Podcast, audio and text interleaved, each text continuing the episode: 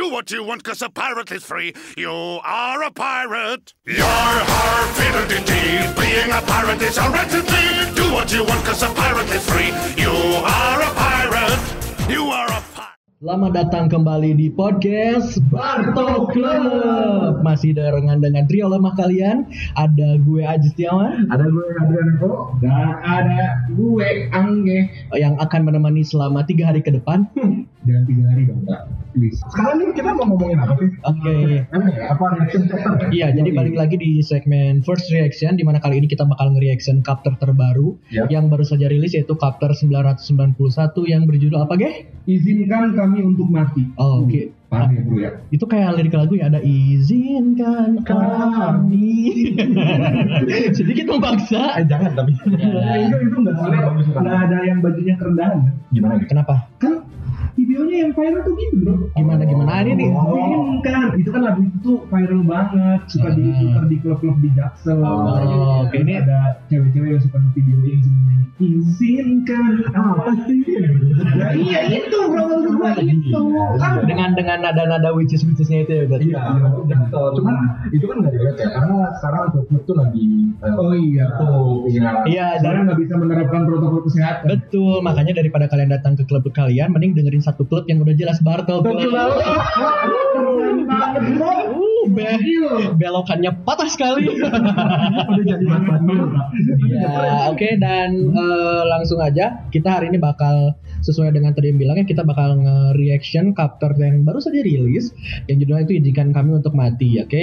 Di mana kita li- bisa lihat langsung dari covernya ternyata ketika kemarin kita berpikir bahwa kemarin itu bakal menjadi ke cover, Cover storyline cover- terakhir. ya cover storyline terakhir dari eh, cerita tentang Lola, Jipon dan juga Pon ternyata di sini eh, balik lagi mereka muncul di cover story namun eh, di sini kelihatannya lebih eh, apa ya lebih dramatis bro. ya lebih, Lebih dram- dramatis ya. lebih dramatis karena bisa kita lihat di sini Lola dan Jipon akhirnya eh, memeluk ayah kandungnya yaitu Pon setelah perjuangan eh, Pon yang cukup panjang gitu sampai akhirnya diakui oleh kedua putri mereka gitu. Nah ini mungkin kita bakal sedikit ngomonginnya, maksudnya eh, ini bisa dibilang cover story yang sedikit menyentuh lah gitu. Ya. Bagaimana perjuangan seorang ayah yang eh, sedari awal lahir itu langsung diusir sama Big Mom eh, dan nggak pernah ngerasain ngegendong bahkan memeluk anaknya.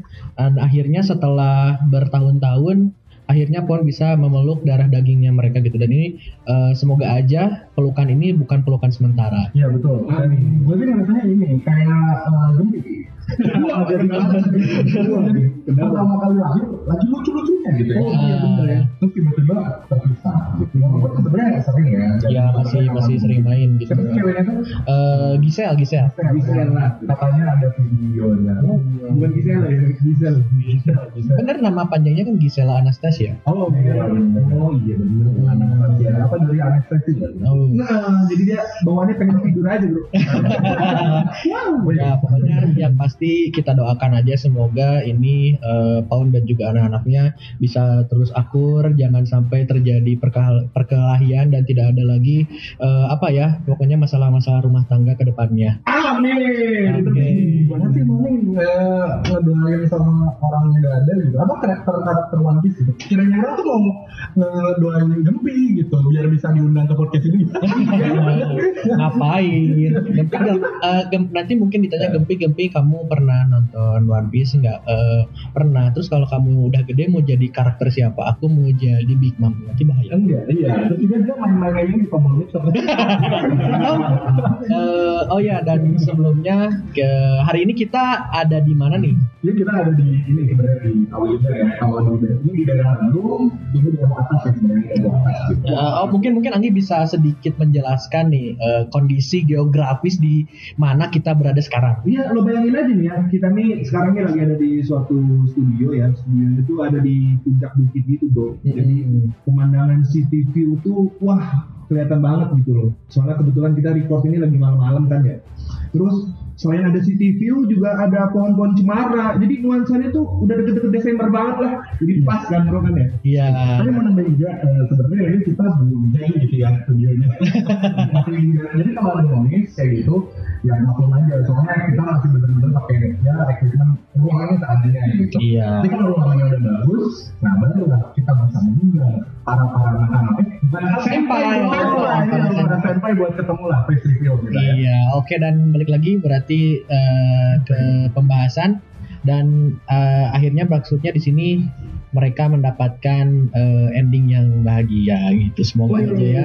Oke, kemudian kita langsung aja masuk ke panel yang pertama. nah Di, nah, mana di sini eh, ternyata tindakan Drake yang menyerang Numbers mengundang pertanyaan nih dari kedua kubu di, eh, terhadap kubu samurai, aliansi dan juga pada para bajak laut masih ya gitu. masih Hmm. Masih dan di sini kan kita bisa lihat bahwa di chapter kemarin itu kan Drake eh, baru saja menjatuhkan salah satu numbers gitu. Yo, Dan ternyata hal itu tuh menimbulkan pertanyaan ke semua aliansi gitu. Tah, termasuk di sini kakek Hyogoro menyadari ada keanehan dari tindakan Drake yang menyerang numbers itu. Kenapa? Karena kan maksudnya di sini mereka ini eh, terutama para aliansi samurai dan juga para eh, pasukannya Hyogoro itu kan tahunya bahwa si Drake ini salah satu dari pasukan eh, bajak laut bis yaitu Tobiropo gitu. Dan akhir di sini kan mereka juga heran loh kenapa mereka eh maksudnya kenapa si Drake ini menyerang temannya sendiri gitu. Dan di sini juga langsung eh, Pejuan berteriak penuh amarah mempertanyakan eh Drake ngapain sih lu kok lu malah menyerang numbers gitu Iya, terus di, ah, terus di sini Drake jawab terserah gue oh bukan ya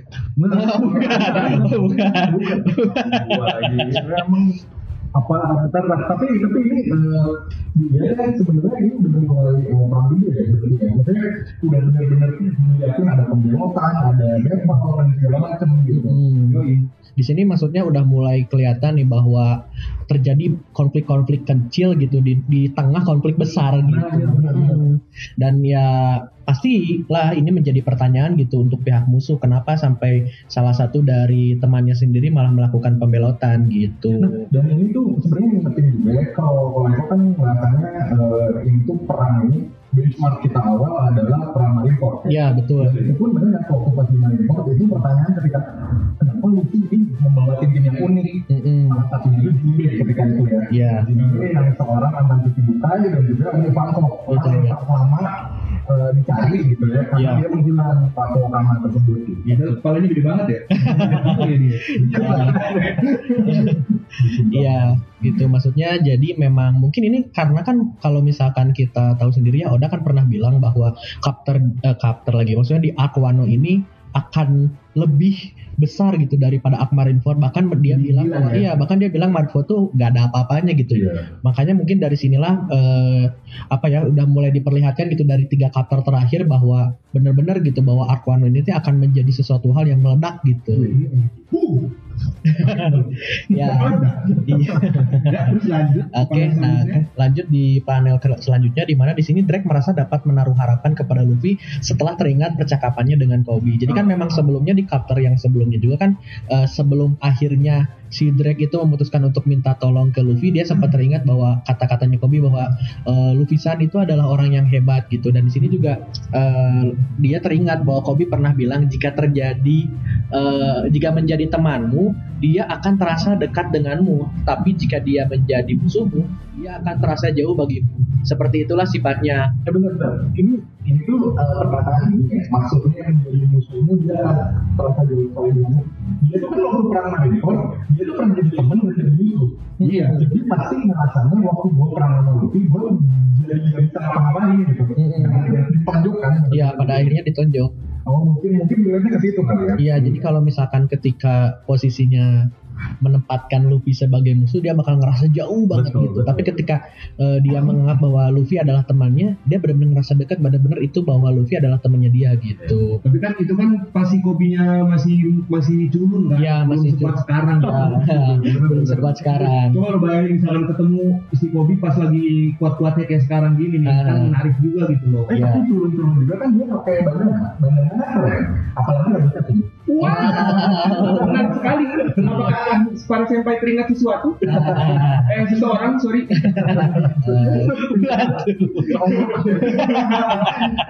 Berarti dianggap bukan enggak. Eh, aku cinta emas-emas banana. Oke, terus di sini juga eh, Luffy bilang bahwa aku tahu siapa kau sebenarnya. Eh, apa, apa ini? Apakah kau juga ingin mengalahkan Kaido? Tapi di sini ketika eh, apa ya, meskipun Luffy sudah menanyakan apa tujuannya, Drake masih saja menjaga eh, kerahasiaan tujuannya dia gitu dia. Ya. Hmm, dan ini menurut gua pribadi memang menjiwakan sekali seorang intel gitu kan. Yoi. Maksudnya dia benar-benar merahasiakan misinya dia gitu. Meskipun yang dia apa ya, yang orang yang menanyakan tersebut adalah orang yang dia butuhkan gitu. Dengar-dengar juga ini kan gerobak baksonya si Drake HP-nya juga masih disembunyiin kan? Kan takut ketahuan bro. Iya, iya. Jangan kayak gitu. Iya benar. Ada ini mamang-mamang dinosaurus bawa walkie-talkie.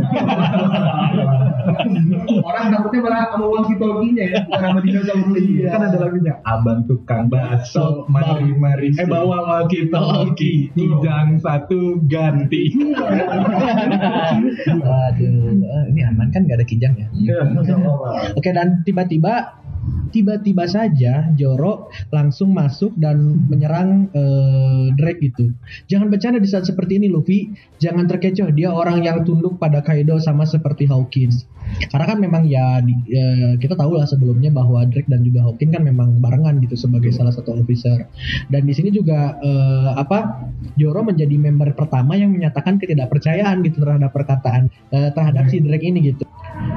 Nah kan maksudnya di sini eh, Zoro itu kan memang sosok yang bijaksana gitu. Maksudnya memang dia itu menjadi juga dia. Iya, maksudnya dia selalu menjadi orang yang bakal eh, apa ya mencegah Luffy untuk melakukan tindakan-tindakan bodoh gitu. Nah, yoi. Jadi kan makanya di sini dia langsung secara spontan eh, nyerang si Drake gitu, mencegah takutnya memang itu hanyalah sebuah tipu daya aja gitu. Ya. Mm-mm, itulah kenapa makanya lah Zoro langsung dengan sigap eh, berusaha untuk menyerang si Drake ini gitu. Hmm, Emang ada beberapa ada berapa kasus sih yang pernah didengar gitu kalau ada eh, yang membelot gitu selama di One Piece. Nah sebetulnya kalau misalkan yang membela yang terbaru mah aku aja. Nah, salah satunya kalau misalkan pengkhianatan Apo itu kan udah kelihatan banget gitu dia memang eh, apa ya menunjukkan dari awal juga bahwa dia memang udah berkhianat gitu bahkan sama si eh, siapa si Kapten Kid Ya. ya, sama si Kan, aja gitu Nggak mungkin dari awal juga dong guys. Soalnya kan eh, kalau misalkan dari awal siapa itu nunjukin kalau dia itu eh, mata-mata lah ya kasarannya nih. Ya aliansi itu nggak sempat terbentuk. Kan sempat terbentuk tapi sialnya kan Kaido jatuh di situ kan. Nah, ya itu. Terus juga kalau misalkan kita ngambil eh, apa ya, berbicara masalah momen yang sama kayak Zoro kayak gini, dulu tuh pernah waktu di eh, arc yang Foxy. Jadi kan dulu pernah ada nih ini scene lucu di mana si Foxy itu kan kalau misalkan kabur dia tiba-tiba nyamar ya. Iya. Nah, ada yang eh, satu scene di mana dia tuh nyamar jadi eh, si Porci gitu kan, jadi Oh. eh, si Porci gitu. Nah, di situ tuh kan eh, ada Luffy, ada Zoro, ada Sanji, ada Nami dan ada Iya. Usopp. Di situ kan maksudnya yang lain tuh udah percaya aduh ini mah kan si itu si Foxy tapi si Luffy tuh masih aja yakin kalau itu tuh bukan dia gitu. Iya. Nah, pas mau diserang sama adegannya tiba-tiba Zoro langsung maju, Luffy lihat lagi dia. langsung dia bilang, "Ah, apakah kau adiknya Foxy?" kirain, kirain bakal percaya gitu. Itu sedikit intermezzo aja. Nah, langsung juga kita next ke panel berikutnya di mana di sini Drake berusaha mengatakan bahwa tujuannya sebetulnya itu sama gitu dengan SHP yaitu dia akan membunuh Kaido gitu. Berusaha dia berusaha meyakinkan di sini ada Zoro, ada Franky dan juga ada Jinbe gitu. Eh, apa berusaha menyangkal bahwa enggak enggak enggak mungkin, enggak mungkin kita nggak percaya lu bakal eh, melakukan tujuan yang sama dengan kita dengan terus kemudian dengan bijaknya sang kapten bilang gini gitu. Sudah, tidak apa-apa. Eh, kunyatakan dia sebagai aliansi. Ya memang sangat bijak nih. Iya, Bijak sekali ya. Bijak sekali dia tuh kalau main eh, apa Among Us itu kayaknya teman-temannya tuh langsung ngechat personal gitu. Mikir dong siapa yang di vote gitu. Langsung diarahin. langsung gitu, gitu. Pasti pertama dibunuh.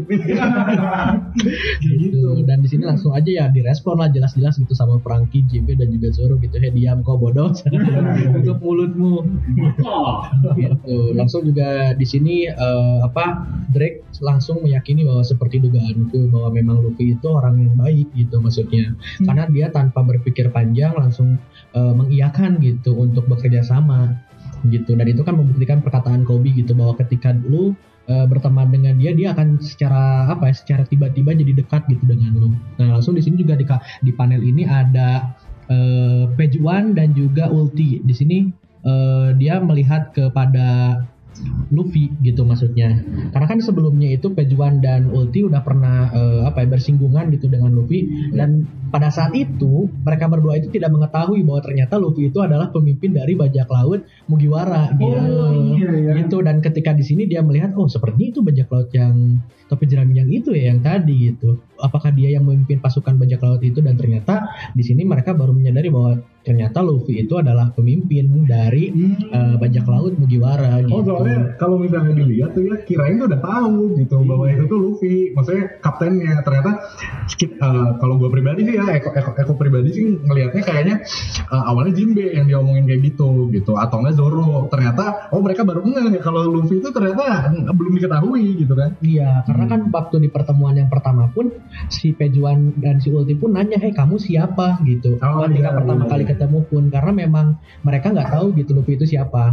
Ya, emang susah hidup di negara serba kurang informasi. Ya, orang punya bounty setinggi itu masih nggak tahu kan Nah, kebangetan gitu. gitu. Dan mungkin ah, ini nggak tahu ya, mungkin spekulasi aja. Jangan-jangan semua Tobi Roppo kecuali Drake kadang nggak tahu Luffy itu siapa gitu. Iya, iya. Jadi, Bisa jadi. Ya, bisa jadi. dan seninya di One Piece kalau kalau orang lihat ya kalau orang lihat eh, emang Luffy itu selalu melawan orang-orang yang nggak tahu dia jadi dia waktu jadi pas banget ketika dia bounty-nya sangat besar itu dia lawannya itu eh, apa ya negara yang nggak punya informasi dari luar. Jadi kan dari dulu tuh Luffy tuh nggak pernah dianggap eh, sebagai siapa pun gitu. Bahkan lawan eh, si apa namanya eh, waktu yang terakhir dari tuh Doflamingo. Doflamingo gitu kan.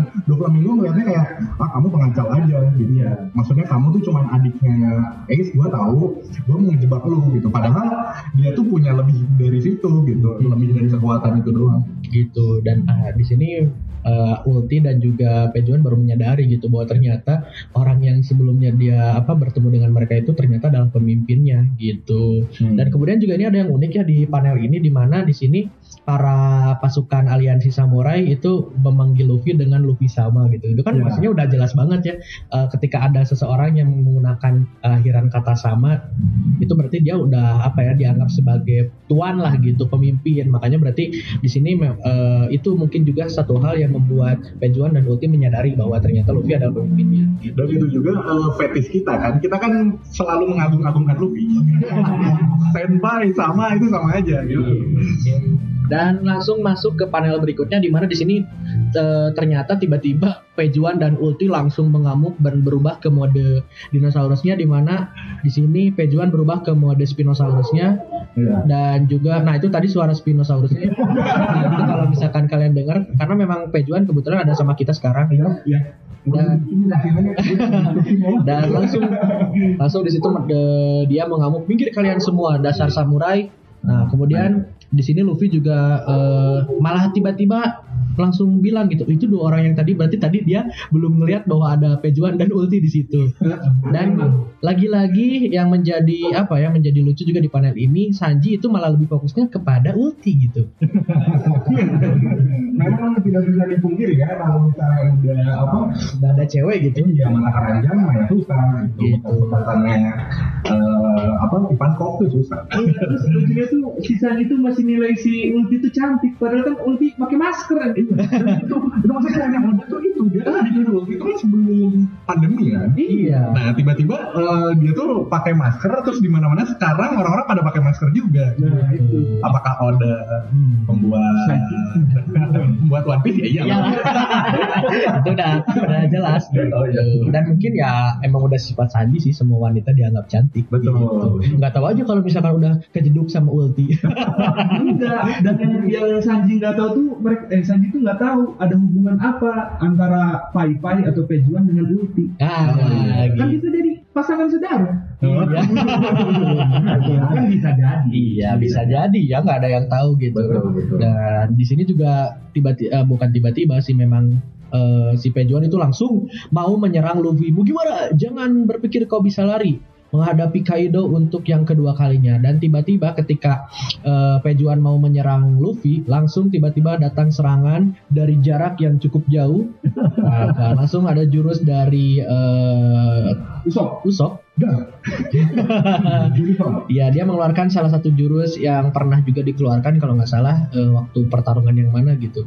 Mid- eh, instant kill green star atau Midoriboshi exploding school plan dia, gitu. dia tuh sebenarnya nama-namanya tuh bisa jadi episode podcast loh. Maksudnya panjang banget terus instant kill green star exploding school plan. Oh, itu kenapa musuhnya nggak keburu menghindar ya? Iya. Kalau ngomongin panjang gitu ya. itu kayak ini album-album ini eh, hardcore hardcore gitu.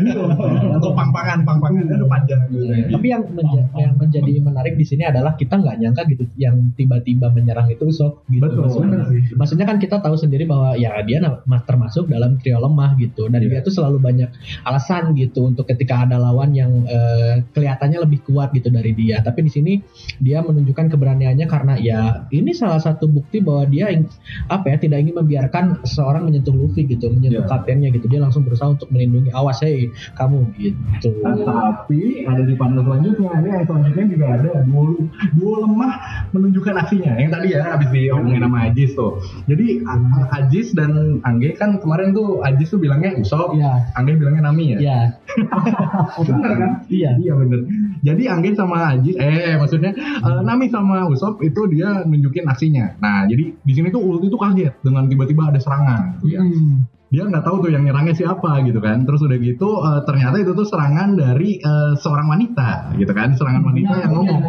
Iya, tiba-tiba muncul terus ngomong Nami itu eh, mengatakan kalau keahliannya adalah membasmi kadal sepertimu. Wah, untung nggak cebong kampret.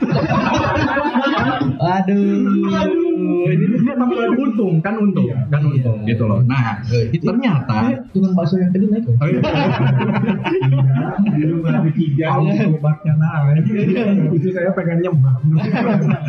Tapi gini loh eh, ternyata di belakang itu ya tadi kata Angge ternyata ada suara Usop gitu yang ngomong di- belakangnya Nami jadi jadi tetap ya eh, apa namanya karakternya Sanji itu si sifatnya diperlihatkan. Dia suka wanita. Dan eh, apa namanya karakternya Usop pun yang lemah itu dilihatin juga di sini. Sebenarnya ini lumayan eh, komplit ya seperti biasa lah. Seperti Iya. biasa eh, Oda tuh bikin panel yang komplit lah. Eh, dia ngeliatin sifat-sifat aslinya gitu. Nah dia ngomong eh, dengan kata-kata yang menantang sebenarnya. Untuk menghabisi kalian berdua katanya. Pestisida reptil Usop kalau jadi menteri pertahanan maksudnya? Oh ini bahasan dari Anggi nih. Sorry sorry out of topic. Ya. Cuman cuman kalau misalnya maksudnya apa nih pestisida reptil nih? Usop itu sempat bilang eh, sepertinya eh, lain kali aku akan menaburkan pestisida reptil di senjataku. Oh, gue langsung keingetan aja Iya. pestisida reptil. Kalau misalkan si Usop ini jadi menteri apa pertanian, wah udah swasembada pangan negara ini. Iya. Bukannya bikin kalung-kalungan di virus. Tapi cuma kenapa pestisida reptil? Jadi gini ya, reptil sama pertanian itu jauh deh. Nah, reptil itu nggak akan jadi. Bro. Iya, maksudnya itu nggak akan ada hubungan dengan pertanian. Ada kan untuk memberantas hama itu kan Bukan, tidak. karena reptil itu tidak ke pertanian. Ular bro. Iya, cuma ah, ular. Iya. Emang ada ular di sini? Enggak sih. ular kan reptil. Bukan, maksudnya ini kan reptil yang dimaksud itu dinosaurus. Iya. Dinosaurus itu kan nggak ke tanaman gitu. Terus ke mana? Makan orang. Iya. Ada yang her ini herbivore. Oh iya benar. Nah lanjut tuh ya, ada kata-kata yang tidak selaras dengan tindakannya katanya menantikan pertempuran Pai Pai plus Ulti lawan Usop dan Nami. Oh ya kita ya, kita kita pengen banget kita eh, ngelihat karena sebenarnya gini ngelihat eh, gua gua pribadi ya ngelihatnya eh, si Ulti ini itu kayak kayak Sugar, kayak Perona Mm-mm. uh, bentuk-bentuknya gitu. Maksudnya dia kuat, dia kuat, tapi dia tuh uh, terlalu tengil untuk dilawan sama fighternya uh, SHP. Gue ngeliatnya kayak gitu. Iya, iya. Sugar itu dia overpower, Perona overpower, dan Ulti pun sebenarnya agak-agak overpower. Dan dia kalau misalnya lawan Usop, itu seperti ya lawan Usop di sebelumnya, kita nggak tahu gimana menangnya, tapi kita akan di- diliatin gitu, gimana cara bertarungnya gitu. Dan juga maksudnya di sini menarik ya, eh, karena kan di chapter sebelumnya itu kan kita tahu gitu bahwa ternyata salah eh, apa Ancient Joan termasuk dinosaurus itu mempunyai ketahanan fisik yang kuat. Hmm. Nah, tapi ternyata yang akan melawannya itu adalah duo lemah gitu. Maksudnya iya. di sini kan bakal diperlihatkan bahwa sebenarnya eh, Nami dan Usopp itu sudah berkembang gitu. Dan memang kan di cover sebelumnya kita juga pernah bilang bahwa SHP itu benar-benar udah di buff banget gitu. Mereka udah bukan lagi eh, apa ya yang bisa dianggap remeh gitu dan juga kan nah yang paling gue penasaran adalah kita akan melihat kekuatan klimatak barunya Nami yang baru yang waktu itu kan baru cuman diliatin pas beres di Aknya Zo yang Oh, iya. ya kan Iya, iya. baru dikasih nih sama si Usopp gitu jadi kan mungkin aja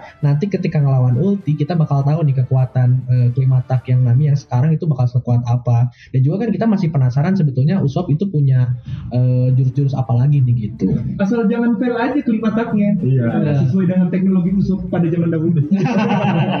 Tapi sekarang kan ini eh, teknologinya tuh udah Usop X Wetria. iya iya iya iya iya Nanti kita undang lah kakek-kakek Wetria. udah ini udah Usopp 4.0. Iya, Usop 4.0 gitu. Dan selanjutnya nih ada eh, kita ke panel selanjutnya itu ada Apo ya. Kita ngeliat ada Apo akhirnya dia ngeluarin jurus. Dan sekarang itu eh, Luffy itu sama Sa- di- gini, Luffy itu selalu jadi clumsy di mana pun. Di, di setiap chapter tuh ada ada eh, clumsy-nya. Tapi di setiap chapter dia tuh selalu ada merindingnya. Maksudnya dia detail kecil, dia ngasih tahu Sanji orang yang lebih apa ya ibaratnya lebih aware lah. Kita tahu orang yang Ya. enggak ah, gitu kan, orang yang lebih aware itu masih diingetin sama Luffy gitu buat lu tutup telinga dan akhirnya mereka tutup telinga kan berdua Iya. pas banget maksudnya ini tuh salah satu apa ya kayak pembuktian kalau Luffy itu ketika memang udah serius ya dia akan serius gitu Dan juga di sini maksudnya diperlihatkan gitu bahwa bener-bener eh, Kenbun Shoku Hakinya Luffy itu udah benar-benar meningkat gitu. Hmm, Dia udah udah udah udah bisa benar-benar mengendalikan eh, Kenbun Shoku Haki yang selevel eh, siapa itu Katakuri. Hmm, Gitu. Maksudnya betul. dia benar-benar udah benar bisa ngelihat masa depan tuh udah kayak apa ya? spontan gitu. Nah. Dia, dia udah langsung kayak Sanji tutup telingamu gitu dan bahkan sedikit eh, fun fact juga ya. Jadi kan di sebelumnya itu untuk si trio monster ini mereka itu kan punya kemampuan haki yang berbeda-beda. Di mana sebetulnya Sanji itu salah satu yang kekuatan Kenbun Shoki hakinya itu paling sensitif Oh gitu. Tapi sedangkan di sini eh, kita melihat juga bahwa ternyata Luffy benar-benar udah jadi yang superior gitu. Nah jadi gini, eh gini lu ada pendapat nggak sih kayak kan tiba-tiba Kid ya, Kid Kid kan awalnya lawanan sama Apo tuh ya. Lu lu ada pendapat nggak tentang itu kan kayaknya Ya, kalau misalkan tiba-tiba Apo muncul kayak gini nih ya, ya berarti ini dong, Kit itu nggak ngabisin Apo sampai tuntas. Benar, Sebelumnya benar. kan. Gimana sih? Maksud gua kan Kit itu kan sempat jadi ini ya, sempat uh, jadi peringkat satu di generasi terburuk kan. Iya. Iya, udah sempat peringkat ke satu, tapi ngelawan Scratchman Apo aja nggak dituntasin. Nah, Ternyata- iya benar. Ternyata itu cuma anak pang biasa Nah, gitu. Dan itu juga jadi menimbulkan pertanyaan, nah ini apa yang terjadi sama si Kid gitu. Nah, iya sih, benar juga sih. gitu. Ya, dan juga eh, ini selanjutnya ya, ada kita masuk ke panel kemampuan Apo yang mengerikan. Ini dilihat dari musik Apo ternyata dapat digunakan untuk mengontrol para numbers. Raksasa tuh ya, bisa dikontrol sama dia gitu. Setara sama tukang hipnotis lah ya. iya bener bener. Dan akhirnya juga kita dikasih tahu bahwa jabatan sesungguhnya Apo di Beast Pirate ternyata dia adalah informan. Nah itu tadi yang yang tadi kita obrolin kan ya. Jadi ternyata eh, paling dekat itu eh, pengkhianatan tuh adanya di Apo gitu. Soalnya selama ini gua selalu ngira Apo itu tuh headliner. Ah, kayak Hawkins. Iya. Ternyata kan udah jelas, oh memang itu bukan headliner tapi informan doang. Hmm. Emang muka dua si Apo ini dari Iya. dari dulunya juga.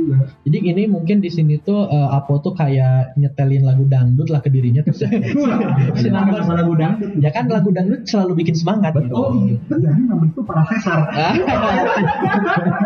jadi, jadi numbers langsung bangun gitu kan itu api asmare ayo bangun bangun bangun Iya. eh bangun bangun bangun bangun gitu sambil ditak tak ditak gitu ya. Iya. Aja sini udah kayak bener-bener ada di. Ini kayak tata tata. nah ah, jangan-jangan Aja numbersnya. Iya bener. Ini kita masuk ya ke selanjutnya. Itu ada Hacha. Kita Oh, iya. ini dilihatin nih, si raksasa kuno yang mengamuk. Ini eh, lumayan ngeri ya, karena jadi dia tuh raksasa, terus dia tuh ngangkat eh, salah satu number. Jadi raksasa ngangkat raksasa gitu. Iya. Ini tuh kayak pernah lihat apa ya? Jadi eh, maksudnya dia tuh memakai teman nakamanya sendiri, temannya sendiri itu untuk eh, dijadikan senjata. Kayaknya pernah deh di chapter mana ya? gue lupa. Eh, jadi dia tuh pakai temannya sendiri untuk jadi perisai. Oh. Ah, gue lupa di chapter mana. Atau mungkin di anime mana kali? Kalau ini ada Subasa kayaknya. Ichizaki Vespa aja nggak masuk. Nah, dan itu masuk juga tuh sebenarnya sebelum ngebahas Hacha kan ada juga nih kemampuan Apo untuk membangkitkan para numbers. Itu maksudnya salah satu yang mengerikan gitu ya. Dan uh, udah gitu Hacha juga kan tadi tadi udah gue sebut kalau dia memanfaatkan sesama raksasa untuk dijadikan senjata. Yang mana tidak hanya kita yang terkejut tapi juga para samurai di situ. Ah. Iya, dan juga eh, kalau misalkan gue pribadi ya, maksudnya ngelihat bahwa apakah Apo ini memang sebagai pemimpinnya para numbers gitu. bisa jadi bisa jadi bro. Soalnya dengan kemampuan dia yang bisa ngendalin numbers gitu kan ya bisa dibilang dia sebagai yang ini tukang eh, kontrolnya gitu. Iya, jadi mungkin kan eh, kalau misalkan lagi nyerang, ayo numbers cacat. bayangnya si Apo ini jadi komposernya bro. Nah, Kayak Erwin Gutawa tuh Iya. Bukan hipnotis gitu gitu. Sekarang ke mesti mana kan?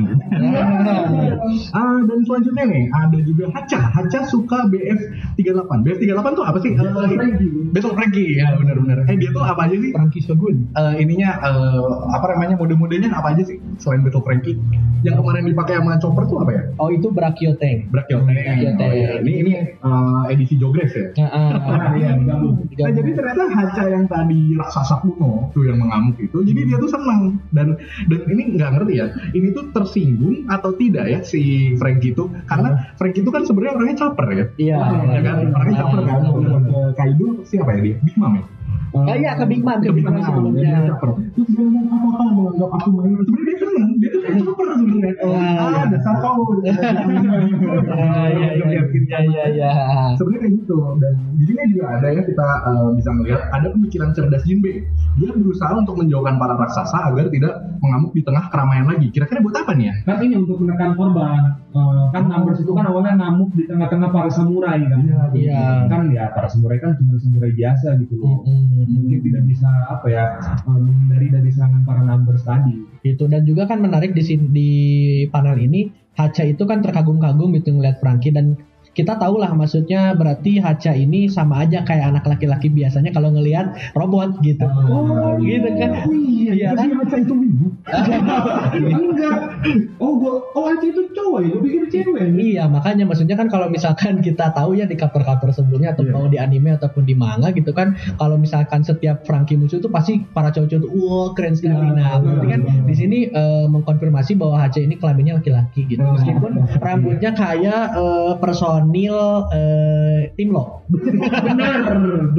Iya, benar. sekali gitu. dan juga ada selanjutnya nih? Eh, di panel di panel yang sama ya masih di panel yang sama itu ada Zoro yang ternyata masih nggak percaya sama Drake. Masih bertarung aja dia. Iya. Sebenarnya tapi gini lah kalau gue pribadi ngeliat ya Zoro tuh kalau dia berantem sama orang itu bisa jadi memang dia disuruh karena eh, memang dia jahat atau jatuhnya tuh kayak Sanji terlalu sama gitu Oh, iya. nah kayak gitu kan Iya, ya iya. jadi bro bromance lah gitu nah menurut gue pribadi sih ya pasti kita kan karena udah tahu memang eh, Drake itu sudah ada eh, apa ya ibaratnya clue-cluenya lah bahwa dia tuh kerja bareng sama Kobe terus udah gitu juga ada kalau kita kan sebagai pembaca kan lihat ada flashbacknya ya bener gitu Iya.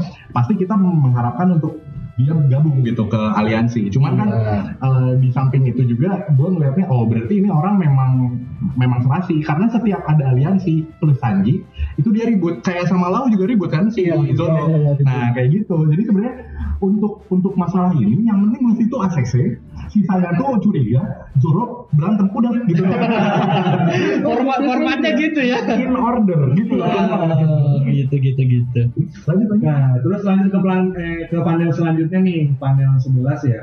Eh, meskipun Zoro itu udah menilai Drake sudah jujur, namun dia tuh tetap merasa masih ada sesuatu yang disembunyikan oleh Drake. Nah, ini nih apa nih yang disembunyikan nih? Eh, status mata-matanya mungkin. Nah, terus selagi berdebat nih ya mereka berdua nih Drake sama Zoro, eh, mereka menyadari kehadiran kehadiran dan tindakan Apo tadi yaitu yang memanggil para numbers itu tuh. Ayo sini sini ayo nyerang nyerang. Lalu mereka secara bersamaan itu nyerang Apo. Itu Hmm. keren banget sih. Maksudnya lo lagi duel nih ya Hmm. sama orang tiba-tiba ngeliat orang ini kayaknya sama-sama nyebelin ya. tiba-tiba secara spontan lo nyerang bersamaan gitu. Iya, iya. Wah, ada apa nih kan.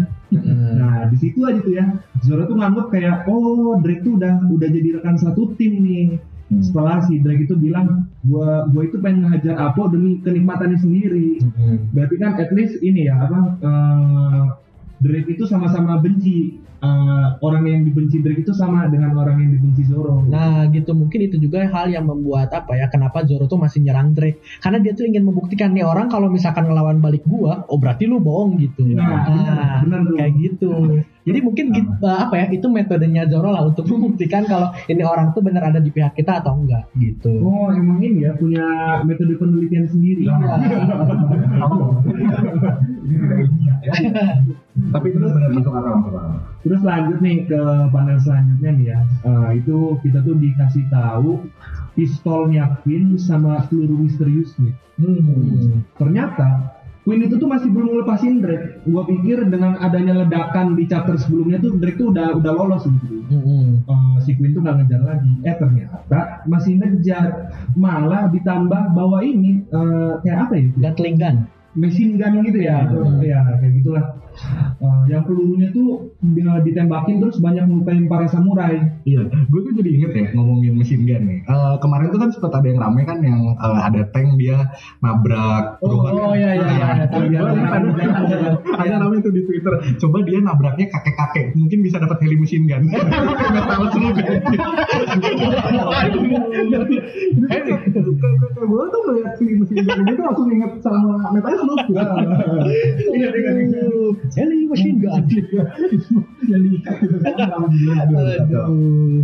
Nah, terus dilanjutin nih si Queen itu tuh ngomong kalau Drake itu si pengkhianat. Bahkan gak cuma ngomong si pengkhianat, tapi ditambah si mata-mata. Iya. Itu kan apa ya? Seolah uh, berusaha menguak uh, rahasia yang berusaha Drake itu sembunyikan Hmm. dari semuanya gitu tuh ya, nggak cuma dari Beast Pirate atau dari SHP doang gitu. Mm-mm. dan juga maksudnya di sini kan eh, apa ya gua tuh yang bikin menarik adalah bahwa ternyata Queen itu memang apa ya seorang mekanikal senjata gitu maksudnya gini Oh iya, dari tangannya ya. Ah, karena kan kita tahu pertama dari awalnya dari tangannya dan kemudian di sini tiba-tiba eh, Queen itu tiba-tiba bawa senjata gitu. Nah, yang eh, gue penasaran adalah mungkin ini juga yang menjadi salah satu keahliannya Queen gitu. Jadi keahlian bertarungnya dia itu di apa ya?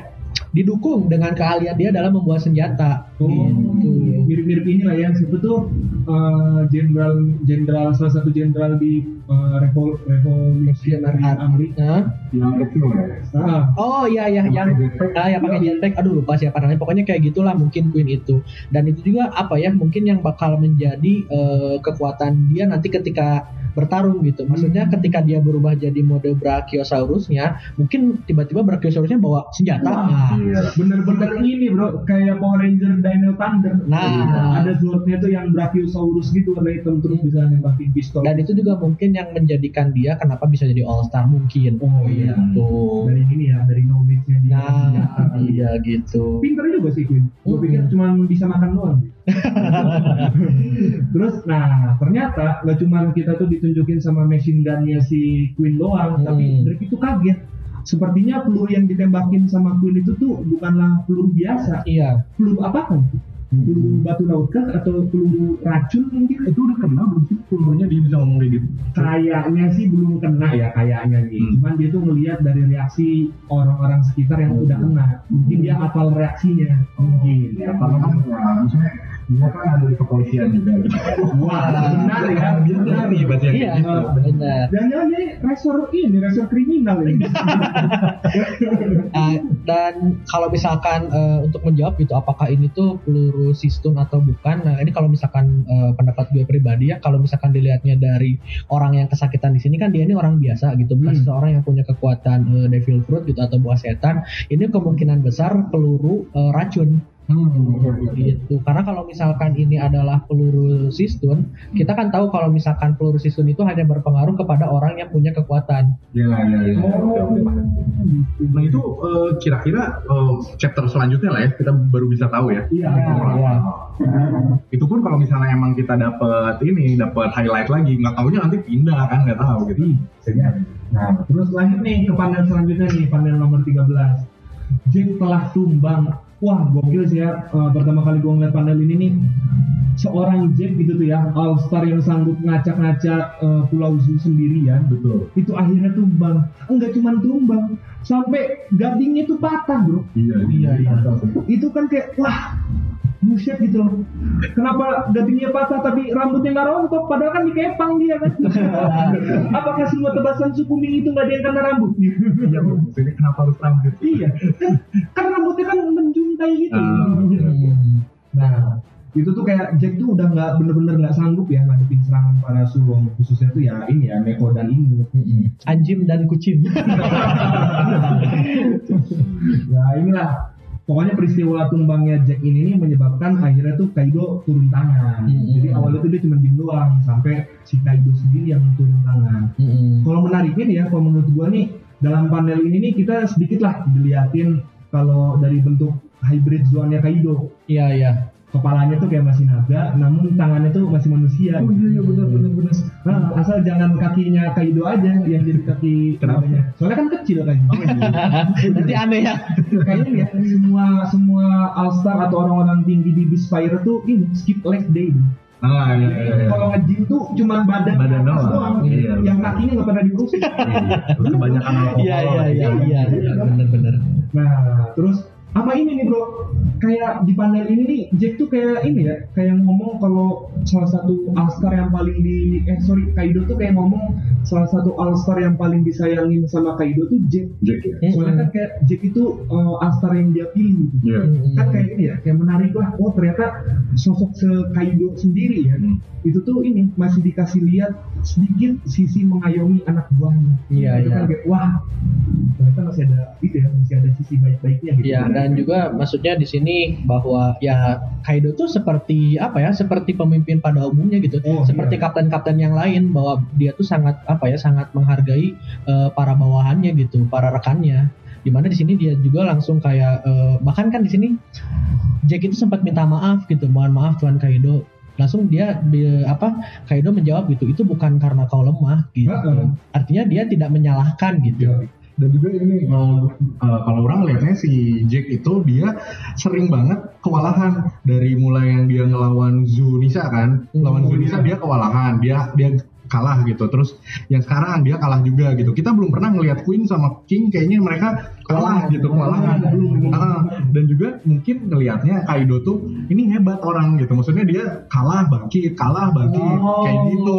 Nah, menyerah. Ah, Iya, iya. dan juga dia mungkin satu-satunya All-Star yang explorer gitu. Dia kan datang ke zoo kan jauh gitu Iya. dari dari Onigashima eh dari Onigashima, dari Wano gitu. Terus dia balik lagi dengan ngomong ya saya gagal dan segala macem gitu. Mungkin itulah kenapa bedanya gitu Jack sama Queen perlakuannya kayak gitu. Awalnya gue pikir Jack itu mau disuruh-suruh karena ya dia karena Jack aja gitu. Kan King Queen kan di atas kan ya. Iya. Jack kan eh, yang terakhir tuh. Jadinya dia kayak dianggapnya kayak adik ketiga gitu loh. bungsu bungsu Nah, gitu. Kayak bungsu disuruh-suruh gitu. tapi justru di sini malah yang jadi paling dihargai sama Kaido gitu. Tuh, bagus lah ya. Mm-mm. Terus lanjut ke panel selanjutnya tuh ini ada pidato Kaido bro. Oh, itu pidato. kayak apa ya? Oh, Kaido tuh mengapresiasi lah anak buahnya yang udah susah payah itu ngalahin para sulong. Ya meskipun uh, pada akhirnya beberapa banyak yang mati kan ya anak-anak buahnya Kaido tuh. Namun bukan berarti mereka itu lemah, cuman ya karena lawannya aja yang sangat kuat. gitu, Iya, para sulong ini. nih. Gila. Terus uh, Kaido tuh ini udah selesai pidato bersiap menyembur sambil menyuruh para suku Ming itu untuk siap-siap berlari sampai mati untuk menghindari serangannya. Gitu. Itu kayak apa ya? Kayak se- seorang tokoh badass yang pengen nyerang terus udah ngasih peringatan. Hmm. Udah kan, lo kabur aja. Gak usah di sini deh. Kayak, kayak pengen bikin zipper gak sih? Iya iya iya kayak gitu dan juga yang menarik di panel ini akhirnya kita bisa melihat wujud sulongnya dari Ah. Einu dan juga Oh Neko. iya secara full ya. Ya secara full gitu dan kalau gue pribadi sih ngeri sama Inu sih. Iya, ini gitu. Nah. Inunya.